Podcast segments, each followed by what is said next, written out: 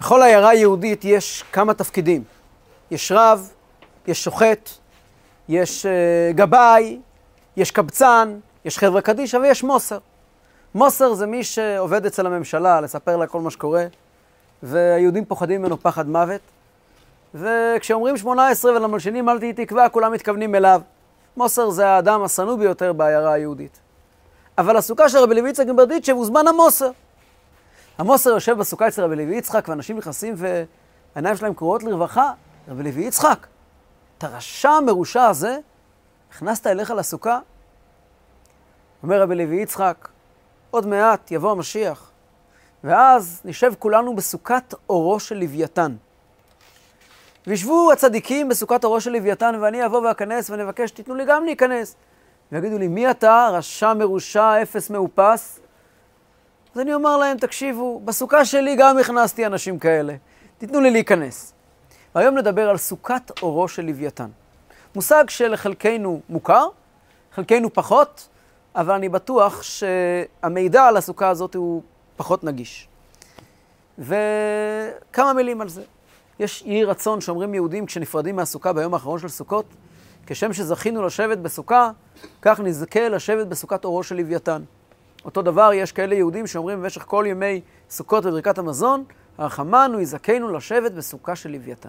סוכת אורו של לוויתן. בואו נדבר קצת על הלוויתן הזה, ורגע שלפני שנפתח את הסיפור של סוכת אורו של לוויתן, המקור של חז"ל מפורסם בגמרא מסכת בבא בתרא, כל מי שקיים מצוות סוכה בעולם הזה, יזכה וישב בסוכת אורו של לוויתן לעתיד לבוא. מה זה סוכת אורו של לוויתן? אבל יש עוד דבר מוזר עם לוויתן לעתיד לבוא. חז"ל מספרים לנו שכאשר המשיח יבוא, הקדוש ברוך הוא יעשה קיניגיה. מה זה קיניגיה? קיניגיה זה קרקס. והקדוש ברוך הוא יסתכל בקרקס, וכל הצדיקים מוזמנים לשבת ולראות בקרקס. כתוב בחז"ל, מי שלא הלך כל החיים שלו לקרקסאות של גויים, קרקס זה הרי של השקוצים, נכון? התיאטר, התיאטרון של הרשעים כביכול, אז, לא כביכול, באמת. אז, אז, אז הוא יזכה לבוא ולשבת בתיאטר הגדול, שמשיח יבוא, יעשו תיאטרון מיוחד. מה יהיה בתיאטרון הזה? מלחמת חיות. שור הבר מול הלוויתן. ובמהלך המלחמה המשונה בין שור הבר ללוויתן, לשון חז"ל, לוויתן, ש, אה, שור הבר נועץ ללוויתן בקרניו, כלומר, הוא באמצעות הקרניים שלו הורג את הלוויתן, והלוויתן שוחט לשור הבר בסנפיריו. ויאכלו מהשור הבר ויאכלו מהלוויתן. עתיד לבוא. ואם זה עדיין נשמע לכם מוזר, בכלל איזה מין תאווה מוזרה יש ליהודים לשבת ולראות את התיאטר הזה של מלחמת חיות, זה חלומות של איוון וסטפן, לא של uh, מוישה ו- ויינקל. יהודים לא מחפשים לראות מלחמות של חיות. אם זה לא מספיק, יש חז"ל עוד יותר מוזר. חז"ל מספרים מה הקדוש ברוך הוא עושה כל היום, בטח משעמם לו. מה הוא עושה כל היום? אז יש תיאור בגמרא, במסכת ברכות, שעה אחרי שעה מה הקדוש ברוך הוא עושה. שלוש שעות שבהם הוא דן את העולם, שלוש שעות, כל מיני דברים. וחז"ל מתארים שיש בכל יום שלוש שעות שהקדוש ברוך הוא משחק עם הלוויתן. בפסוק שנאמר, לוויתן זה יצרת, לשחק בו. הקדוש ברוך הוא משחק עם, לוו... עם לוויתן, מה זה אמור להביע הדבר הזה? אז נפתח את הנושא של הלוויתן. המילה לוויתן היא מורכבת מהמילה לוויית, והנון בסוף זה מקצוע. כמו, אה, אנחנו הולכים להגיד עוד רגע ביום כיפור, אמרנו ביום כיפור, אה, כשידענו שהקדוש ברוך הוא נקרא מחלן, מוכל לישראל, מחלן, כי אתה הוא מחלן לישראל. מחלן, יש כל מיני דברים, הם מוסיפים נון, זה נהיה מקצוע. כמו... אה? חלבן. חלבן, בדיוק. אז הלוויתן הוא לוויתן. מה זה לווית? ללוות. לא, לווית, שם עצם, לווית. יש, לווית זה שם של תכשיט. תכשיט uh, שנקרא, יש פסוק על התורה נקראת בספר משלי, כי לווית חן הם לראשך וענקים לגרגרותיך. לווית חן. מה זה לווית חן? זה שם של תכשיט. יש ענקים, ענק, אנחנו יודעים מה זה ענק, נכון? ענק לגרגרותיך, גרגרת זה הגרון. יש ענקים לגרגרותיך ולווית חן לראשך. לווית זה סוג של עטרה כזאת. מין כמו פרחים כאלה, כמו מין כתר קטן כזה, נקרא לוויית. למה הוא נקרא לוויית? מכיוון שהלוויית, לוויית חן, יש בו חן, חן זה אבני חן. זה חיבור של אבני חן, אחד עם השני, שהחיבור שלהם הופך אותם להיות נקראים לוויית. כי פירוש המילה לוויית בלשון הקודש, רגע של עברית, זה חברן. לחבר זה עניין של ללוות. איפה רואים את זה? למשל, בפרשת ויצא, כשנולד לוי, בנו השלישי של יעקב, אומרת לאה, שהיא השנואה, נכון? וירא השם כי שנואה לאה, ויפתח את רחמה, ורחל הקרה, רחל האהובה הקרה, והיא כל הזמן רוצה את יעקב. אז כשנולד לה הבן השלישי, אז היא אומרת, ותקרא שמו לוי, למה? כי אתה הפעם ילווה אישי אליי, כי ילדתי לו שלושה בנים. ילווה אישי אליי, איש ואישה הם נלווים, יש פסוק נוסף ב, בספר אה, מלכים ובספר דברי הימים, כמוהר איש ול, ו, ולוויות, ולויות, אותו, אותו, אותו מתיות. לוויית זה חיבור. חיבור נקרא לוויית, ליווי. אז לוויתן זה חברן. מישהו שהוא מחבר. מה הוא מחבר? אז הלוויתן, כדי להבין טוב את הלוויתן, ניגש רגע לשור הבר, ואז נבין את הלוויתן. על שור הבר אנחנו יודעים בעיקר שני דברים, שהוא שור ושהוא שור בר. ההבדל בין שור הבר ללוויתן, שהלוויתן הוא יצור מים, והשור הבר הוא ביבשה. חז"ל אומרים לנו, כל מה שיש ביבשה יש בים. כל מה שיש ביבשה יש בים. חוץ מחולדה ואדם. אבל uh, כל מה שיש ביבשה יש בים. יש, אבל יש הבדל ביניהם. מה ההבדל? בעלי החיים הימיים הם בעלי חיים שהים והם זה דבר אחד. בעלי החיי היבשתיים, היבשה והם זה לא דבר אחד. כולנו הגענו מים האדמה. אנחנו אוכלים את האוכל שצומח באדמה, בעלי החיים ניזונים מן האדמה, המים שלנו מגיעים בסוף מן האדמה במחזור המים, אבל אנחנו יכולים לקיים חיים במנותק מן האדמה. אפשר עקרונית לטפס לתוך חללית ולעוף מכאן ולחזור בלא יודע עוד כמה שנים. זה אפשרי. למרות שאת החיים שלנו אנחנו, אנחנו יונקים מהאדמה כל הזמן. הכל הכל מגיע מהאדמה. אבל אנחנו יכולים להיות מנותקים מהאדמה. בעלי החיים הימיים, אם ננתק אותם ממקור חיותם, כיוון שהם פורשים מן, הים, מן הים, מיד הם מתים. דבר נוסף, ישנה, ישנו דין מעניין. מה הדין אם, מישהו, אם מישהו טבל במקווה? המקווה שהוא טבל בו זה היה הים. טבל בים. ונצמד אליו, תוך כדי שהוא טובל, נצמדה אליו איזה חיית ים, איזה מדוזה, אני יודע מה, ותופסת לו את הרגל, ולא משחררת אותו עד שהוא מסיים את הטבילה. צמוד אליו. האם זה נחשב חציצה או לא? אז זו מחלוקת במשנה. דעת רבן שמעון בן גמליאלי, כל שבים אינו חוצץ. כל בעל חיים ימי, אתה טבלת בים. חכמים חולקים עליו ואומרים, אתה לא צריך לטבול בים, אתה צריך לטבול במים. וזה לא מים. אבל רבן שמעון בן גמליאל אומר, זה חלק מהים. טבלת בים גם אם אתה נמצא עם ואקום לבעל חיים ימי. מכיוון שהוא חלק אינטגרלי מהים, וכל שבים אינו חוצץ. להלכה זו חציצה, אבל הטיעון הזה של רבן שמעון בן גמליאל זה טיעון הלכתי. הוא מופיע כנימוק ולהסביר מה זאת אומרת כל שבים אינו חוצץ. זאת אומרת שבעלי החיים הימיים הם והים אחד הם. טפס קומה לעולם הרוח, ננסה להסביר את זה מעולם אחר הרבה יותר עמוק, ואחרי זה ניתן כמה דוגמאות כדי להבין את הנושא הזה עד תום. האדם מייצר כל הזמן מחשבות. המחשבות זה לא אנחנו. המחשבות זה תוצר שאנחנו מייצרים. מאיפה אני יודע שהמחשבה זה לא אני? התבונה היא כן אני, המחשבה לא. יש הבדל בין מחשבה לתבונה. ההבדל בין מחשבה לתבונה הוא שאני לעולם לא אוכל להבין ששתיים ועוד שתיים שווה שש. אי אפשר להבין דבר כזה. אני בהחלט כן אוכל לחשוב ככה. אפשר לעשות תרגיל פשוט, תחשבו, שניים ועוד שתיים שש, אפשר, נכון? סימן שהמחשבה היא לא אני. אני יכול לשלוט בה. בעצמי אני בקושי יכול לשלוט. המחשבה היא תחום שאני יכול לשלוט בו, והוא נחשב מהדברים שאדם מייצר כמו דיבורים, ככה מחשבות. מחשבה אפשר וגם צריך להחליף לפעמים. צריכים, יש לנו פקודה לחשוב טוב. תחשוב טוב, יהיה טוב. מחשבה טובה יוצרת מציאות. אתה יכול לבחור מה לחשוב. אתה לא יכול לבחור האם לחשוב. דיבור אתה גם יכול לבחור האם לדבר. לכן, אגב, אנשים שמתלוננים על מחשבות לא טובות, אי אפשר לומר להם אל תחשבו. חייבים לתת להם משהו במקום. תמיד uh, הרבי היה כותב עצות לאנשים שהיו שואלים, שמתמודדים עם מחשבות לא טובות. הרבי היה אומר להם, תכינו מאגרים של מחשבות טובות, כדי שתוכלו להחליף. כי אם לא תחליפו, אין דרך להגיד לך לא.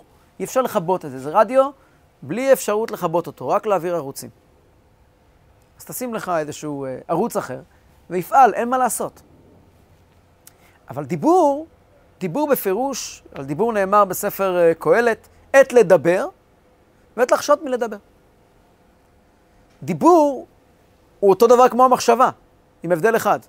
הוא יוצא מהפה שלי החוצה, הוא מאוד מוחש. באיזשהו מקום אפשר לקלוט אותו, להקליט אותו, וכביכול לתת לו חיים מחוץ אליי. המחשבה תחיה תמיד בתוכי. הדיבור יחיה מחוץ אליי. וכל מה שיש בדיבור יש במחשבה, כמו שכל מה שיש ביבשה, יש בים. זאת אומרת, כל מה שאני מדבר, חשבתי עליו קודם. לא תמיד, לא אצל כולם, אבל uh, דיבורים הם ביטוי של מחשבות, אלא שהמחשבות הן בתוך תוכי. הדיבור הוא מחוץ אליי. בשפת הקבלה זה נקרא עלמא קסיה ועלמא גליה. העולם המכוסה והעולם הגלוי. העולם הגלוי, עלמא גליה, והעולם הנסתר, עלמא קסיה. מחשבה ודיבור, ים ויבשה. הנושא שבדרך כלל מדברים עליו, הנושא הזה מדובר בדרך כלל בפסח, כשעוסקים בקריאת ים סוף. ואז מדברים על הנושא של הפך ים ליבשה, בעזרת השם נעסוק בזה כשהקדוש ברוך הוא ייתן כוח ונגיע בעזרת השם לפסח, נעסוק בנושא הזה של ים ויבשה בהקשר של קריאת ים סוף. ישנם גם אנשים שהם אנשי ים, ויש אנשים שהם אנשי יבשה. למשל, הזוהר מדבר על דמות שנקראת רב אמנונה. אמנון זה דג. רב אמנונה הוא סוג של דג, אבל הוא אדם. הוא אדם דג. מה זה אדם דג? אדם שחי ב-level הנסתר. רבי שמעון בר יוחאי, למשל, היה כמו רב אמנונה. אנשי הנסתר, אנשי תורת הסוד הם דגים. יודעים שבשבת אוכלים דגים. כי צדיקים מתגלגלים בדגים, נכון? למה? שבת בכלל זה יום גבוה יותר. בשבת מרגישים את הנוכחות האלוקית. לכן בשבת אנחנו לא נמצאים בעלמדית גליה, אין את הדיבור של הקדוש ברוך הוא, הקדוש ברוך הוא דיבר את בריאת העולם ביום ראשון, ביום שני, ביום שלישי, ויאמר אלוקים, ביום השביעי, ויכל אלוקים ביום השישי. בשבת הקדוש ברוך הוא הפסיק לדבר, והעולם עובר לקיום של מחשבה. לכן בשבת אוכלים דג. ואותם צדיקים, רבי שמעון בר יוחאי למשל, היה 13 שנה במערה. באותם 13 שנים הוא לא הניח תפילין. הוא לא ישב בסוכה. הוא לא אכל מצות. הוא לא עשה קידוש. הוא ישב ולמד תורה יומם ולילה במערה 13 שנה. את המצוות המעשיות הוא לא קיים. רבי שמעון בר יוחאי לא קיים את המצוות במובן המעשי שלהם, מכיוון שהוא היה בעלמא דיתקסיה. הוא היה שייך לצד הנסתר של ההוויה. לכן הוא יצא משם עם ספר הזוהר, שמדבר על שורשי המציאות, ולא על המציאות הגלויה. גם הארי הקדוש היה מאותם אנשים שהזוהר קורא להם נוני ימה דמהלכין ביבשתא. דגי הים המתהלכים ביבשה. זה סוג אחד של צדיקים. ישנם אנשים, שזה רובנו, שנקראים שור הבר. מה זה שור הבר? שור הבר, למילה בר ישנם שלושה פירושים. בר זה קודם כל מלשון חוץ, חיית בר, שור הבר במובן הפשוט. בר זה גם מלשון תבואה. כן, אנחנו יודעים אה, שבני יעקב ירדו למצרים להביא בר. בר זה תבואה. אז שור הבר זה שור חרישה, שור שמיועד לייצר תבואה. ופירוש שלישי בשור הבר, בר זה מלשון נקי, ברור, מבורר. שור הבר הוא שור נקי. אלו שלושה סוגים של יהודים שהם לא לוויתנים. הרשעים, האנשים היותר גסים, זה שור הבר, שור של חוץ. יש אנשים יותר עדינים, הבינונים, שנקראים שור הבר. הבינונים זה שור הבר מלשון תבואה, כי הם עובדים בעולם הזה ומייצרים תבואה, מייצרים לקדוש ברוך הוא נחת מהעולם. מביאים לקדוש ברוך הוא את עצמם. קורבנות, קורבני יחמיא לאישה, היא קורבנות לא רק במובן של בשר בהמה, אלא קורבן אדם, אדם נותן את עצמו, אדם כי יקריב מכם קורבן להשם. עובדים את עבודת השם כאן בעולם. ויש גם כן יהודים מאוד מרוממים, מאוד צדיקים, מאוד גבוהים, מאוד עליונים, שהם לא לוויתנים. שור הבר הוא אמנם שור, אבל הוא נקי. בר מלשון אדם מבורר, אדם נקי. אלה כמו אלה הם חיות יבשה. זאת אומרת שהאלוקות שמחיה אותם היא לא חלק מהם. כביכול, יש ביניהם ניתוק, שאין מה לעשות, כאלה אנחנו, בינינו ובין האלוקות. אם היינו נמצאים בעולם שבו אין ניתוק בינינו ובין האלוקות, לא הייתה לנו כאן עבודה, לא הייתה לנו כאן בחירה. אנחנו אנשים שחיים כאן בעולם הזה, עם יצר הרע, ברוך השם, גדול ופעיל, ומי שהיצר הרע שלו כבר לא פעיל, שילך לרופא. וברוך השם, אנחנו אנשים בריאים ונורמליים. שור הבר, כן, הכי טוב שיכול להיות. השור הבר, יש לו מאבק עם הלוויתן. מה המאבק שלו עם הלוויתן? הלוויתן, קודם כל הלוויתן מנסה להשפיע על שור הבר. אני אנסה קצת לתת דוגמה מעולם קצת שונה, ונחזור חזרה לכאן. אנחנו נמצאים בחודש תשרי, חודש החגים. ואני חסיד חב"ד. ותמיד בחודש החגים אנחנו נזכרים בשנים שזכינו, 40 שנות אור, שזכינו לראות את הרבי בחודש החגים. יודעים, היינו נוסעים מסוף העולם ועד לראות את הרבי ולעשות איתו את החגים. וגם היום, אני משתדל לפני כל חג לראות את כל הוידאוים כל מיני הזדמנויות שהיו עם הרבי באותם ימים מיוחדים. באותם ימים של ימי תשרי נפלאים עם הרבי, חסידים היו נוסעים לרבי כדי לראות מה זה עבודה של יהודי שלגמרי מרומם מהעולם. בדוגמה, השמועה אומרת שהרבי לא היה ישן בכלל בחג הסוכות. כל חג הסוכות. לא יודע, אי אפשר, אין על זה הוכחות, והרבי מעולם לא אמר את זה, אבל ככה טוענים. בוודאות, הוא לא ישן בהושענא רבה. כי אף אחד לא יען. למחרת בבוקר, מיד אחרי התפילה, הרבי היה מחלק עוגות, לקח, לכל מי שלא קיבל בערב יום כיפור. הרבי היה עומד בפתח של הסוכה שלו, מחלק שעות לקח. והיה לרבי סדר יום עמוס. בליל שמיני עצרת, הרבי היה עושה הקפות עד מאוחר מאוד בלילה. והרבי היה רוקד ורוקד ורוקד עם החסידים. והחסידים היו מטייפים, שמעתי לא, מב... לא מאדם אחד ולא משניים, תיאור שהיה פירמידות, כל, כל סמסמת, בית תודה של רבי היה פירמידות, פירמידה כאן, פירמידה כאן, פירמידה כאן. והרבי היה ניגש לפירמידה אחת, פונה אליה, עושה ככה עם הידיים, והם היו מגיבים לרבי, ואמרו שאיזשהו רגע הייתה לפעמים עוברת מחשבה בראש, יש לי עכשיו שתיים, שלוש דקות, עוד רגע זה ייגמר. והרבי עובר לפירמידה הבאה, הרבי לא היה מפסיק. הרבי לרגע לא היה חודל מהריקודים שלו. הרבי היה חוד, רוקד באופן לא מובן. ועובר מפירמידה לפירמידה, פירמידה, עוד פעם, ועוד פעם, ועוד פעם, ועוד פעם, לאורך כל הערב. ריקודים שהם לא נתפסים בשכל. וזה רק היה הקדמה ללילה הבא, לשמחת תורה. שמחת תורה, הרבי היה מתוועד. מתשע בערב, שמונה בערב, התוועדות עם החסידים, אומר דברי תורה בלי גבול, מסיים את הדברי תורה האלה בשעה 12 בלילה, באחד מתחיל הקפות. מ-1 עד 3-4 בבוקר היה הקפות, ואותו דבר כמו אתמול, ועוד הרבה הרבה יותר מזה. ולמחרת מיד בבוקר, היו שנים, בשנים יותר קדמוניות, הרבי אחרי הקפות עוד היה יורד למטה, מלמד ניגון ומחלק לחסידים אה, אה, משקה. ואז בבוקר, בתפילה, כרגיל, הקפות עוד הפעם. זה היה עוד הפעם עם כל ה... עם כל ה... ואם זה לא מספיק, אחרי זה יש התוועדות. וההתוועדות של שמחת תורה היא ההתוועדות הכי מיוחדת בשנה. זה מתחיל אחרי התפילה. בהתוועדות של שמחת תורה, הרבי היה דברי תורה וחידושים עצומים. מאמר חסידות עמוק. ההתוועדות של שמחת תורה הייתה מסתיימת במוצאי שמחת תורה. הרבי היה עושה הבדלה, ועומד ומחלק יין לכל מי שנמצא בהתוועדות, והיו מגיעים אוטובוסים מבורו פארק ומחוץ לעיר, והרבי היה עומד ומחלק יין חמש, שש, שבע שעות, כשתוך כדי הוא מעודד שירה. זה לא אנושי. עכשיו תפתחו, תראו וידאו, אתם מוזמנים, תפתחו וידאו, חלוקת כוס של ברכה מוצאי שמחת תורה, יש מזה וידאו. הרבי רענן, כאילו הרגע, אם מותר להגיד ככה על הרבי, כאילו הרגע קם משינה עמוקה. מעודד את החסידים ורוקד ושר. כבר, אתה, כבר ארבעה ימים על הרגליים. וזה לא הפסיק. בסוכות גם לרבי היה עבודה. ולפני כן היה יום כיפור. ואחרי תשרי הרבי לא היה יוצא לנופש.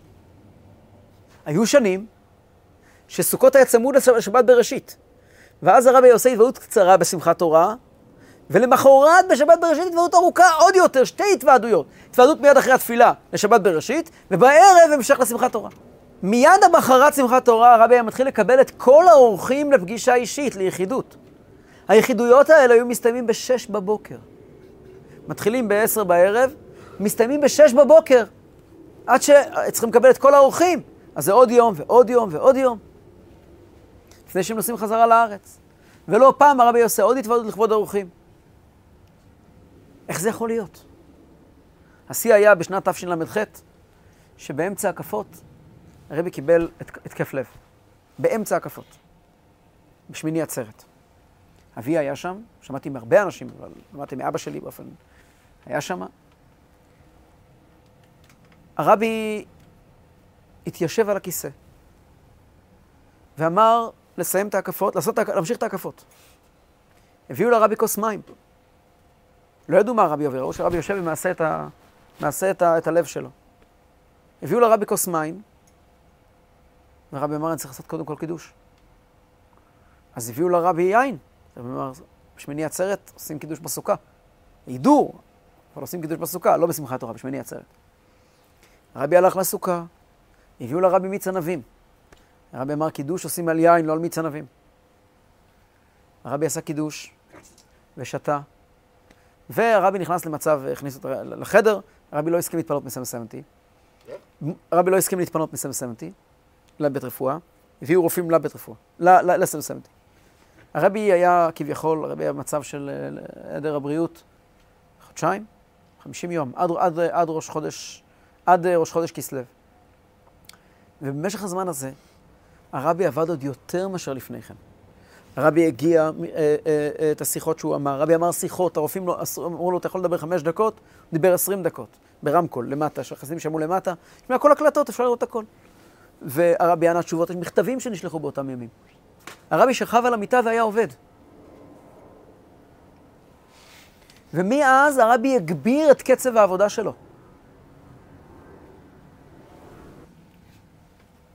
מה ההסבר לזה?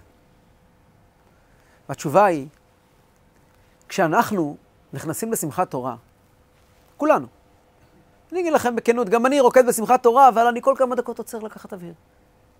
ונח כמה רגעים. אז כי אנחנו ש, ש, ש, ש, שורי בר, שברי בר, והולכים ומציצים לתוך שמחת תורה, וחוזרים חזרה לשור הבר, מציצים ליום כיפור, היה יום כיפור נפלא, הסתיים יום כיפור, חוזרים, חוזרים חזרה לכוחות שלנו. אצל הלוויתן זה הפוך. הלוויתן, החיים שלו זה בשמחת תורה וביום כיפור. כשהוא יורד עלינו, הוא צריך לקחת אוויר. אלו חיים מסוג אחר. אלו חיים שנמצאים ב-level אחר של קיימות, של מציאות. זה לא החיים שלנו. מה הלוויתן רוצה מאיתנו? הלוויתן עושה לנו ככה, תתרוממו. לוויתן הוא חברן. הלוויתן ניגש אל שור הבר ואומר לו, זוז כבר, תתרומם. לוויתן אתה לא תהיה, אבל תתרומם. תפסיק לרבוץ, תעשה משהו עם עצמך. והרבי אומר לחסידים שלו, צאו לסוף העולם ותקרבו יהודים ותדברו. תתרוממו, תתרוממו, תתרוממו, תתרוממו, זה המסר שלו כל חודש תשרי. יהודים, תתרוממו. זה הפירוש הלוויתן מחבר את שור הבר. הקדוש ברוך הוא יושב ומסתכל על המשחק של הלוויתן. לוויתן זה יצרת לשחק בו. ללוויתן נותן לקדוש ברוך הוא מתנות. הוא ניגש לקדוש ברוך הוא ואומר לו, אתה רואה את היהודי הזה? קח אותו מתנה. אתה רואה את היהודי הזה? קח אותו מתנה. הלוויתן מחולל בעולם הזה משחק מאוד מאוד מעניין, שהוא לוקח אנשים מנותקים, ולא הכוונה לאנשים שהם לגמרי רחוקים מיהדות, או... זה גם. הרבי לא הסכים אף פעם להגיד, יהודים רחוק, רחוק מיהדות. הרבי הסתכל על היהודים בעיניים של לוויתן, כולם מחוברים. אבל הכוונה על כל אחד מאיתנו, ומרים אותו קצת, טפח קצת יותר גבוה, טפח קצת יותר גבוה. לעתיד לבוא כתוב, גם השור הבר ייכנס בלוויתן. מה הכוונה? שהלוויתן יבוא ויגיד, יש לי קרדיטים, כי ההנאה הגדולה של הקדוש ברוך הוא זה גם משור הבר, לא רק מהלוויתן. מהמאבקים של שור הבר עם עצמו, מהמלחמות הפנימיות של האדם הרגיל. והלוויתן ירכוש, יגיע ויאמר, אתה יודע למה היהודי הזה ככה התרומם? זה, יש לי יד בזה. כביכול הוא לא- רוצה לקחת מהשור הבר את הקרדיט גם אליו, שיהיה לו גם את הזכות הזאת, זה הפירוש של המאבק של השור הבר והלוויתן. עכשיו חזרה לחג הסוכות. מה זה שנזכה לשבת בהורת, בסוכת אורו של לוויתן? אנחנו יודעים שסוכת אורו של לוויתן היא סוכה פסולה. אי אפשר לשבת בסוכת אורו של לוויתן, על פי ההלכה. צריכים סוכה שעשויה מסכך, שסכך הוא גידולו מן הארץ ואינו מקבל טומאה, אבל מנותק מן הארץ ונמצא מעל ה... הסוכה היא חלל, קדוש, סוכה, לשון אה, חלל, שבחלל הזה, כבר היום, לא רק לעתיד לבוא, כבר היום בסוכה אנחנו נמצאים במצב שקצת מזכיר לנו את העתיד. למה? ביום הרגיל שלנו, בימי החיים שלנו הרגילים שהם לא סוכות, אז יש בית כנסת, שם לומדים תורה ומתפללים ומוסרים שיעורים, ויש את החיים בעצמם, איפה שאנחנו עסוקים בשור הבר. לאכול, לשתות, לעבוד, לדבר, לפטפט, לשחק. בסוכות, אנחנו נכנסים לסוכה ומפטפטים. וזאת מצווה. יושבים בסוכה ואוכלים, וזאת מצווה. יושבים בסוכה ו- ומשחקים, וזאת מצווה. הסוכה היא מין חלל כזה, מקיף כזה, שפתאום משרה, כל מה שקורה בחלל הזה הוא מצווה. ולא משנה, אתה לא יכול ללכת לשום מקום. מה שקורה כאן, מחובר עם הקדוש ברוך הוא. הסוכה היא מקום, היא חלל, שבו אדם מתחבר אל זה שהמציאות האמיתית היא שהקול של הקדוש ברוך הוא, ואי אפשר להיפרד ממנו. אנחנו יודעים שהסוכה נקראת סוכת שלום. מבקשים מהקדוש ברוך הוא, פרוס עלינו סוכת שלומך. למה שלום? למה דווקא שלום? מה הקשר בין סוכה לשלום? האמת היא שסוכה זה תוצאה של יום כיפור. מענן הקטורת של יום כיפור, שמקטיר הארון, נעשים ענני הכבוד של הארון. וענני הכבוד, כידוע, זה הסוכה.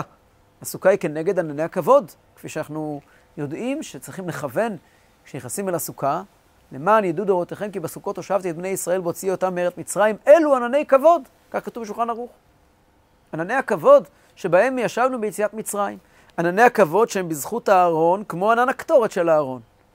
ענן הקטורת, ואפשר לדבר באיחוד עולם על, על ענן הקטורת, לא יודע אם אנחנו נספיק כעת, אבל ענן הקטורת הוא תוצר של החיבור העמוק של היהודי עם הקדוש ברוך הוא ביום כיפור. ביום כיפור, כשהכהן הגדול, שהוא הנציג של הנקודה העמוקה ביותר של היהודי, נמצא בקודש הקודשים הנקודה העמוקה ביותר של המציאות כולה, מקטיר שם קטורת. קטורת, אגב, מילה אחת על קטורת בכל זאת, זה הדבר היחידי ביהדות שבמספר 11. כל הדברים ביהדות במספר 10. הדבר היחידי שהוא מספר 11 זה קטורת. דבר, וזה למה? הקבלה תמיד כתוב ש-10 זה מספר קדוש, ו-11 זה מספר של קליפות. יש 11 כתרים של טומאה. יש 10 ספירות של קדושה, וכנגדם 11 כתרים של טומאה. למה יש 11 כתרים של טומאה? כי בקדושה, הקדושה שורה בתוך הדבר עצמו. אז יש עשר, כי עשר זה מספר השלם. בקליפה היא מקבלת הזנה חיצונית. היא לא יכולה לקבל הזנה פנימית, כי היא נגד הקדוש ברוך הוא, אז כביכול יש לה מטה נייד. והמטה הנייד זה ה-11. ביום הכיפורים, בקטורת, עבודת הקטורת, קטורת מלשון התכתרות, התחברות, התקשרות, בעבודת הקטורת של יום הכיפורים, הכהן הגדול מחבר לקדוש ברוך הוא גם את הרע שלנו, לא רק את הטוב שלנו. כל, כל כולנו מתחבר לקדוש ברוך הוא, כולל הרע שבנו. כמו שדיברנו במפגש הקודם על יום כיפור, דיברנו שיום כיפור זה קיבוץ נידחים, שהכל מגיע אל השם, הכל, הכל, הכל. ומהענן הזה נוצר מציאות שיהודי והקדוש ברוך הוא הם אחד. ואם יהודי והקדוש ברוך הוא אחד, אפשר לחיות בתוך זה, ואפשר לאכול בתוך זה, ואפשר לישון בתוך זה. וזה גורר, זה יביא אותנו, שלעתיד לבוא, ניכנס לסוכת אורו של לוויתן, כלומר לחלל, למציאות שלמה שהיא כולה לוויתן. חיבור שאי אפשר לרגע להיפרד ממנו. שם יש שלום. למה יש שלום? יש פסוק שאומר, לא יראו, לא יראו ולא ישחיתו בכל הר קודשי, וגר זאב עם כבש, ונמר עם גדי ירבץ, כן, ושישע יונק הלכו פטן, שמה, ונער קטן נוהג בם. לא יראו ולא ישחיתו בכל הר קודשי, כי מלאה הארץ דעה את השם כמים לים מכסים. אם הארץ מלאה דעה, מה זה אכפת מזה לשור ול, ולאריה ולזאב ולכבש? יש להם דעה. כי מלאה הארץ דעה את השם זה בני האדם.